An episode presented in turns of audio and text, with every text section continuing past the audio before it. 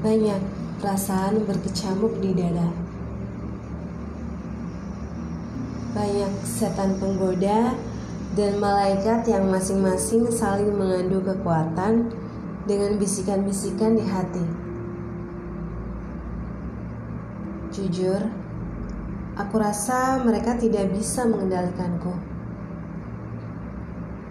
Karena jiwa dan ragaku sepenuhnya aku yang mengontrol. Tadinya aku pikir seperti itu. Walaupun secara teori, pemikiran seperti itu salah besar. Idealnya kamu masih punya Tuhan buat tempatmu bersandar.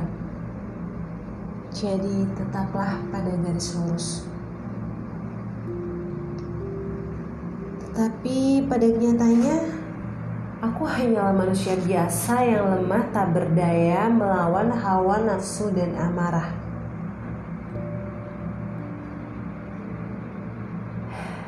Hidup hanya sekali, dan aku berhak menggapai semua impianku dan merasakan yang seharusnya aku rasakan sebagai seorang pribadi yang utuh. Can you feel that I feel?